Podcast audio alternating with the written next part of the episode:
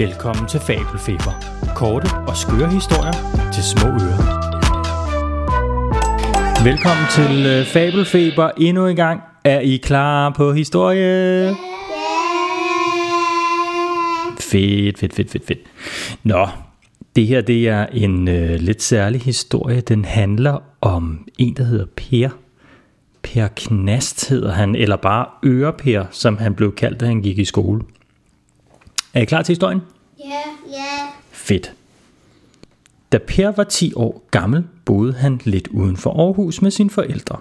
Han gjorde det, som alle børn gør på 10 år. Havde legeaftaler, gik til badminton og drillede sine små søskende. En dag, da hele familien sad og spiste aftensmad, skete der pludselig noget underligt. Det dryppede pludselig fra Pers ører ned på bordet. Dryp, dryp, dryp. Øh, Per! Der kom altså gul saftevand ud af hovedet på dig. sagde Pers lillebror. Det kilder, Grinede Per. men hvad er det? Det blev ved med at drøbe.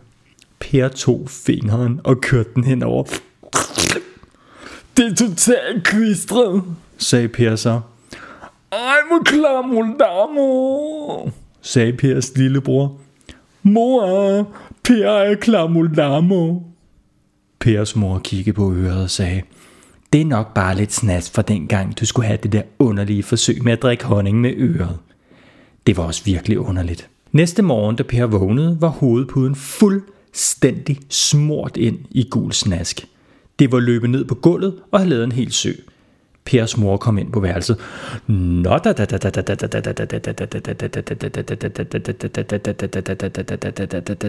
da da da Det var da noget værre noget. Jeg henter lige en skraber, så får vi hurtigt styr på det. Men vi får nok heller lige gå til lægen. Da Per kom op til lægen, dryppede det stadigvæk ud af øret. Lægen hed Katrine, og hun skulle bruge sådan et helt særligt instrument, som hun ikke brugte så tit. Lægen Katrine gik over til sådan et skelet på et stativ. Har I nogensinde set sådan et? Nej. Ja. Har du? Okay. Men hun gik over til øh, skelettet, og så rev hun hårdt i den ene fod, og så sang hun et nummer for Bamses venner. Per synes, det tog lidt lang tid, men lige pludselig så åbnede der sig en lem i gulvet. Der kom en trappe til syne, og lægen Katrine, hun gik ned ad trappen. Du, du, du, du, du, du. Så sagde hun, øh, jeg kommer lige om lidt. Jeg skal lige hente noget. I kan se en film eller et eller andet imens. Tre timer senere kom Katrine op igen. Huha, den havde, den havde gemt sig lidt. Nå, skal vi se på det? Lægen havde taget et instrument med, som var lavet af sædertræ. Det lugtede fælt. Det var cirka 20 cm lang stang med en rund ring for enden, hvor der sad en rubin. Rundt om rubinen var der ledninger, der stak til alle sider. I den anden ende af stangen var der et USB-stik. Lægen Katrine parrede ud af vinduet og sagde, Åh, prøv lige at se en flyvende kat. Per nåede lige akkurat at dreje hovedet, så hamrede Katrine stangen ind i øret på Per. Eller, det føltes i hvert fald sådan. Heldigvis gik det ret hurtigt. Øh, lægen Katrine drejede kun et par gange. Så satte hun USB-stikket i computeren. Jeg vidste det, sagde hun. Du har fået Sterinus Maximus Chronicus. Øh, hvad for en bjørn? svarede Per. Ja, Sterinus Maximus Chronicus. Det betyder egentlig bare, at der vil drøbe sterin ud af dit øre de næste 43 år. Nå, men tak for i dag. Øh, sagde Per. Per tænkte, at det var da noget mærkeligt noget. Heldigvis kunne man bestille en smart drykbakke på internettet. Man kunne spænde om hovedet. Det var mega smart.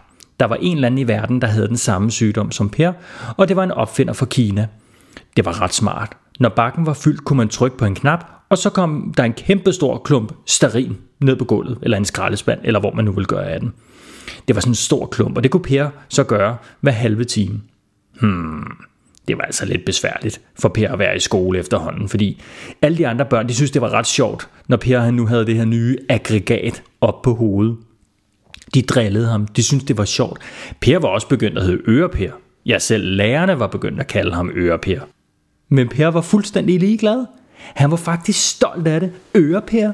Det lyder da meget sejt, gør det ikke? Hvad synes I? Ja. Mm. Og ørepær, ørepær. Øreper, Øreper.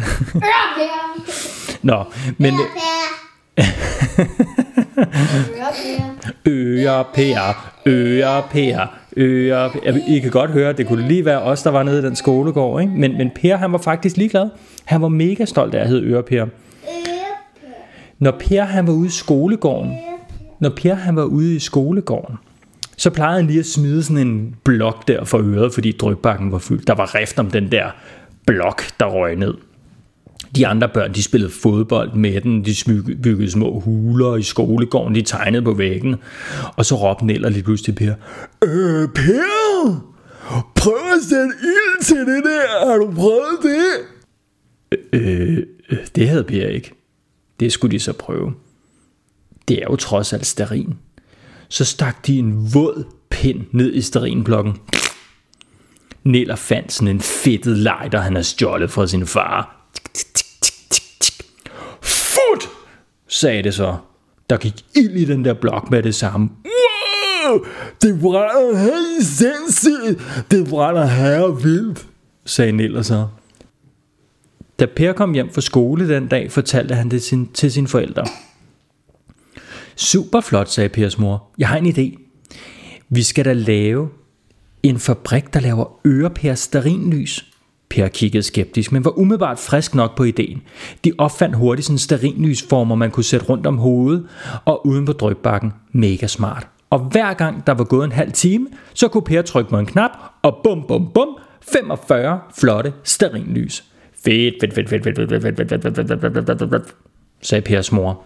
Det her det er genialt. Pers mor var meget kreativ, så hun opførte et 35 meter højt sterinlys ude ved motorvejen, så alle kunne se det. Der var også ild i toppen, og så stod der øreper.com på det. Pludselig væltede det ind med ordre, og det var lige pludselig alle talte om, hvor meget de her ørepæres sterinlys, og hvor gode de var. De brændte dobbelt så lang tid som almindelige lys, og de duftede også bare mega godt. Sådan lidt af brændte mandler. Øreper sælger stadigvæk i dag sterinlys, og han er i dag 38 år gammel og bor i Aarhus. Og når der en dag ikke kommer sterinlys ud af øret, så vil han stoppe. Men indtil da vil han lave verdens bedste sterinlys. Og det var historien om Øreper, der lavede Verdens største sterinlys. og til alle jer, der lytter med, vi glæder os til at øh, lyttes ved i næste uge, hvor vi skal høre en anden historie. Måske en med, Is.